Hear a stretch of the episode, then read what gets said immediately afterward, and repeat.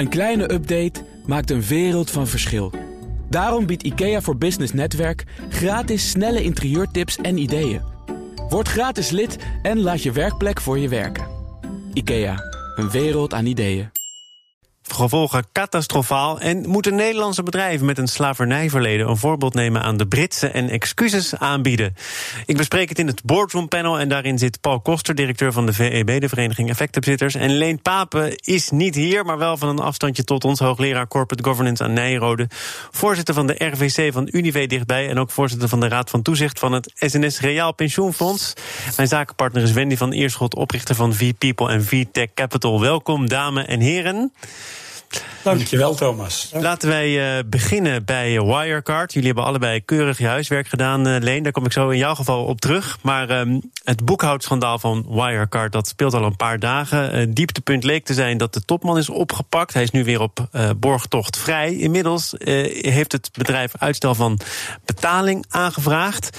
En er is een cruciale rol uiteraard ook weggelegd als het gaat over een boekhoudschandaal voor de accountant EY. Paul, barst even los. Schets kort de situatie. Dank. Nou, eigenlijk, je zei het is een paar dagen aan de gang. Eigenlijk heeft Wirecard al jarenlang last van geruchten. En uh, dit is vanaf 2019 in een stroomversnelling gekomen. Mede naar aanleiding van uh, felle artikelen in de Financial Times. Opvallend is dat in dat hele proces uh, de Financial Times is tegengewerkt door de onderneming, maar ook door BaFin, gek genoeg. Dat, is de toezichthouder in Duitsland. Dat maakte uh, toch uh, het mogelijk dat uh, meneer Brown, de CEO, al twintig jaar lang op die plek, in april, eind april, zei dat EY uh, hem verteld had dat ze geen moeite hadden om in juni de jaarrekening af te tekenen. Nou, dat kan helemaal niet, want een accountant zal, gelet op zijn verplichtingen aan werk, alles moeten controleren alles na balansdatum tot het moment dat hij aftekent. En daarmee gaf uh, de heer Brown de markt eigenlijk een misleidend geluid. Het gekke is dat EY daar niet op gereageerd heeft. Dit is een uh, feitelijke onjuistheid. En EY had naar onze mening heel duidelijk in de markt die opmerking moeten neutraliseren. Dus niet zeggen is daarmee niet voldoende? Nee, absoluut niet. Uh, zeker gelet op het rumoer dat al van toepassing was op deze onderneming. En wat betekent dat concreet voor dat jullie? Dat betekent concreet dat wij EY um, een, uh, proberen en zullen gaan aanklagen als dat uh, allemaal uh, is voorbereid. En we zijn van plan om dat ergens in de komende maand te gaan filen. Nu heeft EY wel gezegd in dit hele proces: wij hebben niet zo heel veel vreemds gezien tot voor kort. Ja, in alle eerlijkheid, ik ben zelf accountant geweest. Uh, dat klinkt toch redelijk onwaarschijnlijk. Je hebt op een bepaald moment. Uh, ik vraag mij af, wat heeft EY nou op 31 december bevestigd? Gevraagd in de Filipijnen. Ja. Zes maanden later komen ze tot de conclusie: hé, hey, het is er niet. Ze hadden in mijn ogen daar veel feller bovenop moeten zitten. En het verbaast mij dan ook echt uh, dat EY nu pas naar buiten komt. En jij noemt de Filipijnen omdat op een derde geldrekening dat geld, die 1,9 miljard, zou staan. Ja, en het uh, proces dat EY-card gebruikte was een vrij uniek proces. Ze hadden daar een bepaalde constructie die ik niet ga uitleggen. Maar die constructie was heel duidelijk een, vraag om moeilijkheden. Dus het lijkt mij dat uh, iedereen op zijn kivive had moeten zijn. En wij vinden dus, dat zal dus hopelijk later ook duidelijk worden, dat EY daar veel scherper had moeten zijn. Ik vind dat ook zo weer. Dit is weer zo'n voorbeeld waar je als kleine ondernemer denkt: ik moet uh, bij iedere jaarrekening uh, alle loonopgaven en alle, allemaal documenten aanleveren. Kennelijk is er dus niets aangeleverd over die 1,9 miljard die ineens weg is. Uh, of, of wel? Hoe kan nou ja, dat? Er moet iets aangeleverd zijn, want anders had EY op een bepaald moment niet kunnen zeggen nadat ze het ontvingen: dit klopt niet. Het gekke is alleen dat in de Filipijnen meteen gezegd is toen EY de confirmatie opstuurde, recentelijk overigens, uh, meteen zei: ja, dit, dit is een vals, uh, vals document, dit klopt niet. Dus de, de vragen rond dit hele proces roepen echt toch wel weer een kwaliteitsaspect op. Ja, ik, ik wil zo naar Leen, maar nog even één vraag voor Paul. Want uh, jullie zijn dus bezig om te kijken of het tot een procedure kan komen. Namens ja. hoeveel beleggers spreek je dan? Hoeveel beleggers hebben zich al gemeld? Nou, dat is het verschil met bijvoorbeeld Nederland. In Nederland kunnen wij optreden voor een collectief, we kunnen voor meerdere beleggers in Duitsland is dat een individuele actie die je moet ondernemen. Maar we hebben gelukkig uh, wat dat betreft ook onze uh, netwerk bekeken. En er zijn aandeelhouders, ook in Nederland overigens, die gereageerd hebben en die hier zeker belangstelling voor hebben. Leen, ik las op LinkedIn dat jij je huiswerk had gedaan. Goed gespeurd, ook op de website van Wirecard. Geen jaarcijfers, geen verslag te vinden. Maar ik ben toch wel benieuwd naar wat jij dan wel vond. Nou, niet zoveel meer, eh, Thomas. Uh, en ik denk dat het komt omdat de jaarrekeningen uh, zijn ingetrokken. Dus op het moment dat blijkt dat het niet klopt, dan roept een accountant intrekken die handel. Dus het zou goed kunnen zijn dat dat de reden is waarom je de jaarrekening uh, niet, meer, uh, niet meer vindt. Nee. En overigens, ja, je vindt op de site nog steeds mooie verhalen. Hè? Dus een, oh, ironie, een whitepaper over fraude. Nou, ik denk, ja, hadden ze dat nou zelf maar gelezen, dan had het misschien niet gebeurd. Ja. Maar nog even een aanvulling op wat Paul zei. Um, dit speelt al vanaf 2008. Dus al twaalf jaar geleden uh, waren er signalen dat er iets niet klopte. En die zijn herhaald in 2015, 16, 17, 18, 19 en in 2020. Dus ja, ik snap uh, dat Paul roept, uh, we gaan EY aanklagen. En ik snap dat er heel veel vragen over te stellen zijn. Want na nou, Parmalat wisten we toch ongeveer wel hoe je een, een saldo-bevestiging bij een bank moest doen. Um, en dat is een klassieker in de, de opleiding voor accountants. Maar kennelijk is dat, uh, ja, lijkt het erop in het geval van Wirecard ook niet helemaal goed gegaan. Want ze hebben wel wat gekregen. Maar dat bleek dus vals te zijn. En ook dat is natuurlijk een Parmalatje revisited. En ja, ze hadden toen al onderraad kunnen reiken, want dat uh, weten we inmiddels ook. Uh, die bevestiging kwam binnen een paar dagen. Daar waar dat proces normaal een paar weken in beslag neemt.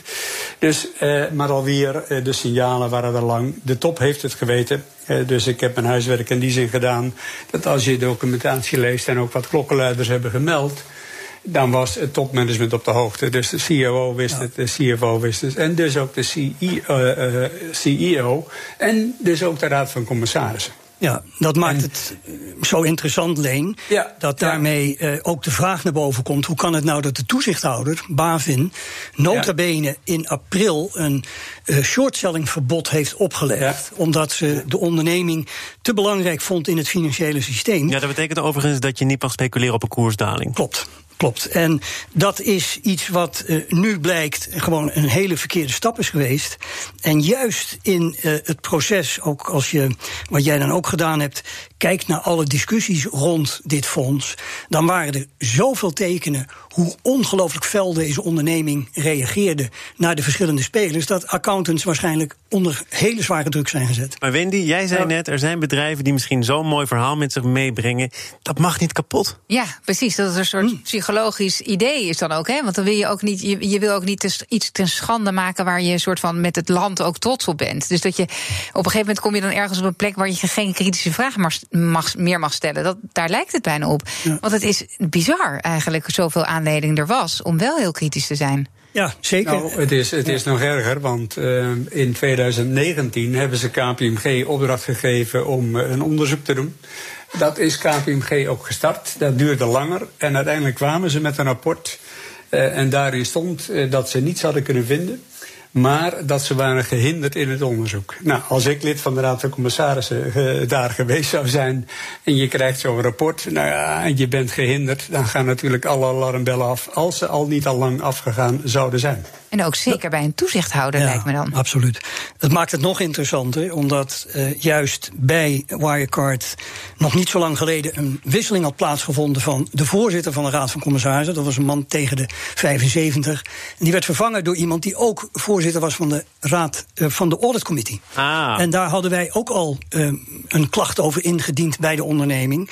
En nu blijkt gewoon dat er eigenlijk vanuit dat toezichtslichaam niets is gebeurd. En het brengt me op een breder punt, uh, Thomas, dat eigenlijk in Duitsland het laatste paar jaar een groot aantal incidenten zijn geweest. waar je toch afvraagt hoe zit die governance eigenlijk in Duitsland. Dat doe je ook op banken bijvoorbeeld? Deutsche Bank is natuurlijk een dramatisch voorbeeld. Commerzbank is een dramatisch voorbeeld.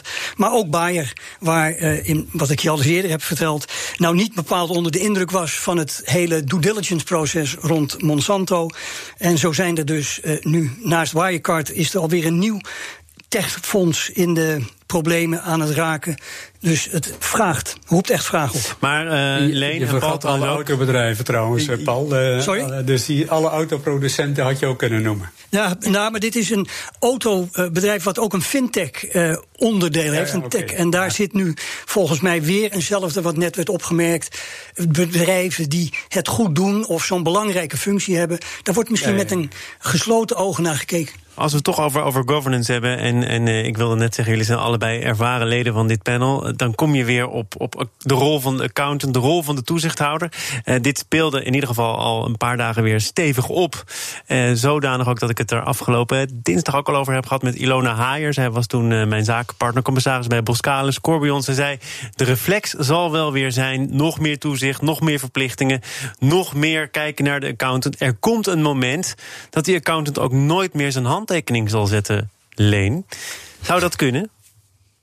Nou ja, dat laatste, alles kan, maar dan zou de, de sector daarmee zichzelf opheffen. Dat lijkt me natuurlijk ook weer een beetje erg rigoureus. Ja, die reflex zit er natuurlijk in. Dus uh, dat zou ook de dood in de pot vinden. Want we hebben inmiddels drie rapporten en 105 aanbevelingen hoe de sector verder moet.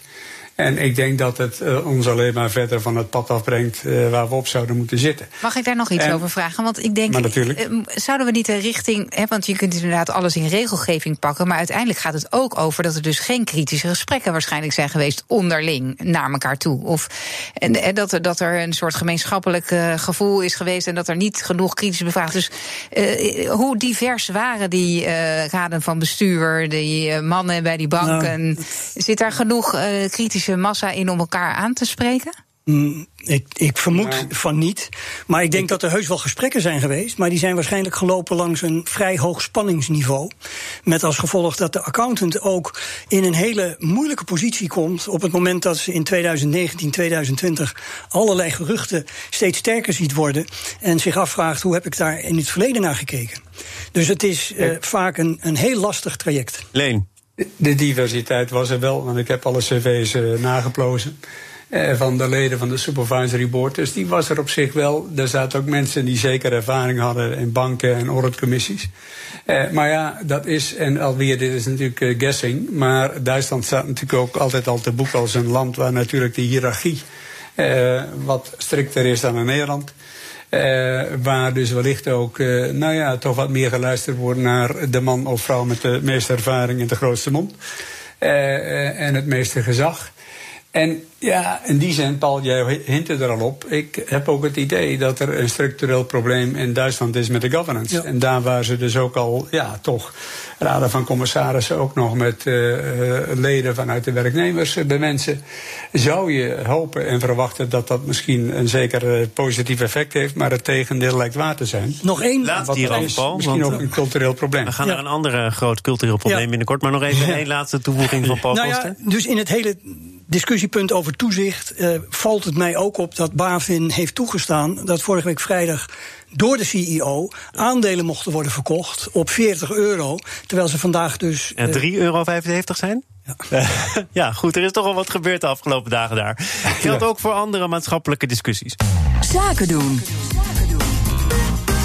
Het boardroompanel is het gast. Paul Koster, Leen Papen en mijn zakenpartner van vandaag Wendy van Ierschot. En ik wil het met jullie hebben over de Britse bedrijven... die naar aanleiding van de wereldwijde antiracisme-protesten... excuses hebben aangeboden voor hun aandeel in de slavenhandel... in de 18e en 19e eeuw. En dan is de logische vraag, wat moeten Nederlandse bedrijven doen... banken, verzekeraars uh, in de meeste gevallen...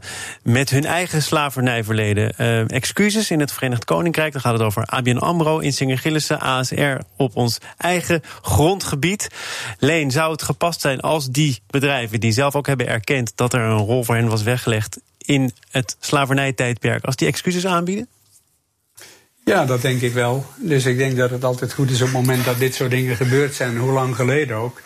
Eh, dat je in het kader van de verzoening ja, dit soort gebaren maakt. En het lijkt een loos gebaar. Ik denk dat het dat niet is. En ik denk dat het ook een erkenning is van een verleden waar je niet trots op hoeft te zijn. Waar je weliswaar niet deelgenoot direct van was. Maar ik zou dat dus in die zin absoluut een goed idee vinden. En, en wie, wie moet dan die excuses gaan aanbieden? Want je zegt het al terecht, hè? het is natuurlijk heel erg lang geleden. Vorig jaar is er ook onderzoek naar verricht. Precieze omvang, betrokkenheid, het is soms lastig te achterhalen. En was ook een conclusie. Het gaat vaak om een rechtsvoorganger van de huidige bedrijven. Die zijn daarna overgenomen, gefuseerd. Het heeft eigenlijk natuurlijk nog heel weinig te maken met het bedrijf van toen. Ja, dat is ook zo. Maar goed, uh, onze majesteit uh, uh, biedt ook excuus aan voor dingen die gebeurd zijn in Indonesië. Um, ja, dus daar kun je natuurlijk ook van alles van vinden. Maar dat was ook een goed idee. En in dit geval, waar rechtsopvolging is natuurlijk soms ingewikkeld. Maar ja, in Singer als naam uh, bestaat nog steeds. Dus dan denk ik dat het ook uh, ja, zeker voor de hand ligt om dat excuus ook aan te bieden. En daarmee ook een erkenning te geven aan datgene wat in het verleden is gebeurd. Ook al draag je natuurlijk niet direct verantwoordelijkheid. Paul, jij kwam hier binnen en je zei dat je dit een lastig onderwerp vond. Ik heb het idee dat Leen het vrij snel plat slaat. Ja. Excuses graag. heb, jij er, heb jij er wat andere opvatting over? Nou, ik wou het iets breder trekken. Ik, um, dit punt wat Leen maakt, daar kan ik me uh, bij aansluiten, zeker. Maar het is eigenlijk een beetje het, het sociale activisme. Dat neemt toe. En daar is racisme en de hele discussie die we nu in Nederland ook voeren absoluut een onderdeel van. Maar het brengt de vraag op: hoe krijg je nou eigenlijk die uh, verschillende groepen op elkaar aangesloten? En dan begrijp ik dat sommige bedrijven dus denken dat te vinden in een excuus. Maar ik heb ook wat huiswerk gedaan, Thomas. En is gekeken naar twee belangrijke spelers internationaal: Nike en uh, Adidas. Ja, ja. En beide hebben geen zwarte op, aan, op de boord. De diversiteit ontbreekt gewoon ten ene male. Nog wel, hè? want ze hebben zich daarover uitgesproken, ja, toch? maar dat is heel vaak, dat wordt mooi en snel gedaan. En daarna, wat is de follow-up? Dus het is een punt waar ik denk heel belangrijk voor de boord. We hebben hier tenslotte het boardroom panel. Een nieuwe taak uh, opdoemt. En dat is zorgen dat deze discussie inhoudelijk gevoerd kan worden op basis van kennis en ook op basis van uh, een goede informatiebron, zodat je ook op hele goede gronden. wacht even, want dat veronderstelt dat jij ervan uitgaat dat dat nu niet zo is. Er ik wordt niet dat, gediscussieerd op basis van kennis en goede informatie. Ik denk dat dit zo'n lastig onderwerp is. Wat je zelf al aangaf, uh, net met je voorbeeld. Moet je eens kijken als je teruggaat hoe moeilijk het is om eigenlijk de oorsprong te vinden van die uh, gedragingen. Dat is niet buiten kijf, althans hoe lastig dat is. Maar je maakt er tegelijkertijd een punt van dat de ondernemingen uit verschillende hoeken nu ook sociale druk intern voelen. Ja. En dat maakt het des te belangrijker dat ze een antwoord vinden dat niet uh, de business gaat schaden en daarmee uh, het belang onderstreept van de discussie. Wendy? Ja, ik ben het helemaal eens, zowel met Leen als met Paul. Dus het lijkt dan alsof het een soort saai onderwerp wordt. Uh, toevallig vind ik ook met name dat, ehm, dat stuk, Paul, wat jij noemt over educate ourselves. Ja. We moeten eigenlijk, Harvard Business Review heeft een hele lijst gemaakt, een soort readers list, ja. met allemaal artikelen die gaan over racisme op de werkvloer, over leiderschap. En um, ik voel me daar zelf ook op aangesproken dat we onszelf meer zouden moeten opleiden en verdiepen in dit onderwerp. Om inderdaad niet alleen excuses aan te bieden. Want ik denk ook dat dat, ja. uh, dat, dat nodig is.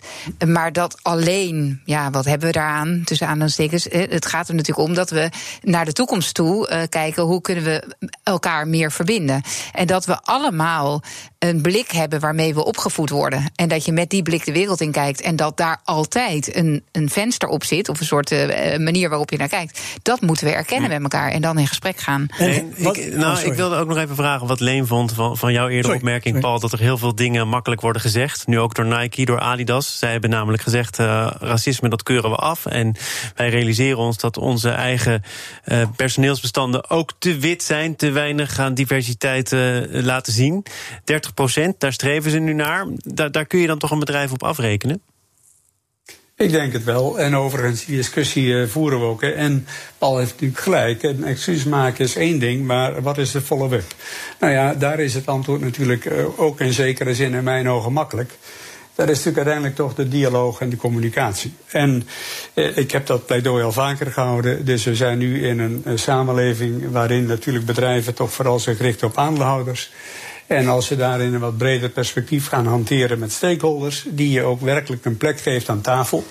En dat kun je doen met het idee van mijn collega Herman Mulder. Je maakt een maatschappelijke adviesraad. Uh, of je zet ze werkelijk uh, in, in de boordroom op het moment dat er een uh, belangrijk besluit moet worden genomen. Bijvoorbeeld in dit geval over diversiteit. Dan breng je de dialoog op gang, dan breng je de discussie op gang. En ook Paul heeft daarin gelijk, die sociale druk. Ja, die is er. En ik vind die ook volkomen terecht. En uh, dat is niet meer en niet minder dan een erkenning uh, dat we misschien ook iets te, ver waren doorgeschoten in een denken. Ja, wat meer ging over winst en aandeelhouders dan dat het ging over de maatschappelijke rol van een onderneming. Een uh, korte reactie op wat Leen net zegt. Uh, ja, aandeelhouders hebben misschien tussen de 90 en begin 2000 heel veel aandacht gekregen. We zitten in een nieuwe tijd. En juist ook, ik zit hier namens de VEB, uh, probeer ik te praten vanuit ook de belangen die de aandeelhouders zien in deze discussie. Dus het is uh, zeker niet zo dat de discussie uh, buiten aandeelhouders omgaat. Dat, dat is wel zo, maar ik wil toch nog even één, één afrondende vraag stellen aan jullie. Want het boardroom panel, uh, zoals ik dat hier elke week ontvang en met heel veel liefde, ja. dat is natuurlijk ook overwegend heel erg wit ja. en mannelijk.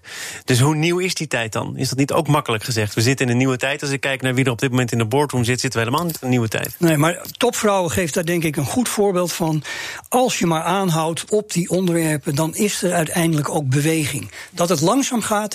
We zijn in Amerika al meer dan 200 jaar bezig over deze discussie. En het is nog steeds niet opgelost. Ja, en, nou, en ik denk dat we wel kunnen leren van deze tijd dat we ook over 25, 50 jaar terugkijken naar deze tijd. En dan denken: hoe is het mogelijk dat wij alleen maar voor die aandeelhouderswaarde gingen. En dat we uh, bedrijven zoals Booking. Uh, ja, maar dat gaan we dus niet meer. Nee, nee, begrepen. Nee, nou ja, maar dat, dat, dat, dat, dat is wel goed om ons te beseffen dat we nu kijken naar de slavernij. Van dat, dat is toch eigenlijk iets waar je excuses voor moest aanbieden. Dat was toen natuurlijk echt anders. Want we voelden dat toen niet als ongelijkheid of dat dat op die manier niet kon in, in, in, in die tijd. En zo zijn er ook dingen waar we nu naar kijken, waarvan ik wel denk, hé, hey, we zouden daarvan kunnen leren. Dat, dat dat gaan we krijgen. Dat is precies wat ik bedoel met die sociale factor. Het zal steeds belangrijker worden dat het personeel ook invloed gaat krijgen op wat er gebeurt in een bedrijf. Dank u allen. Ik begin bij Leen. Leen Papo, hoogleraar Corporate Governance aan de Nijrode Business Universiteit. Voorzitter van de RVC van Unive dichtbij. En ook voorzitter van de Raad van Toezicht van het SNS Reaal Pensioenfonds. Ja, ik moet wel tijd overhouden voor mijn afkondiging natuurlijk.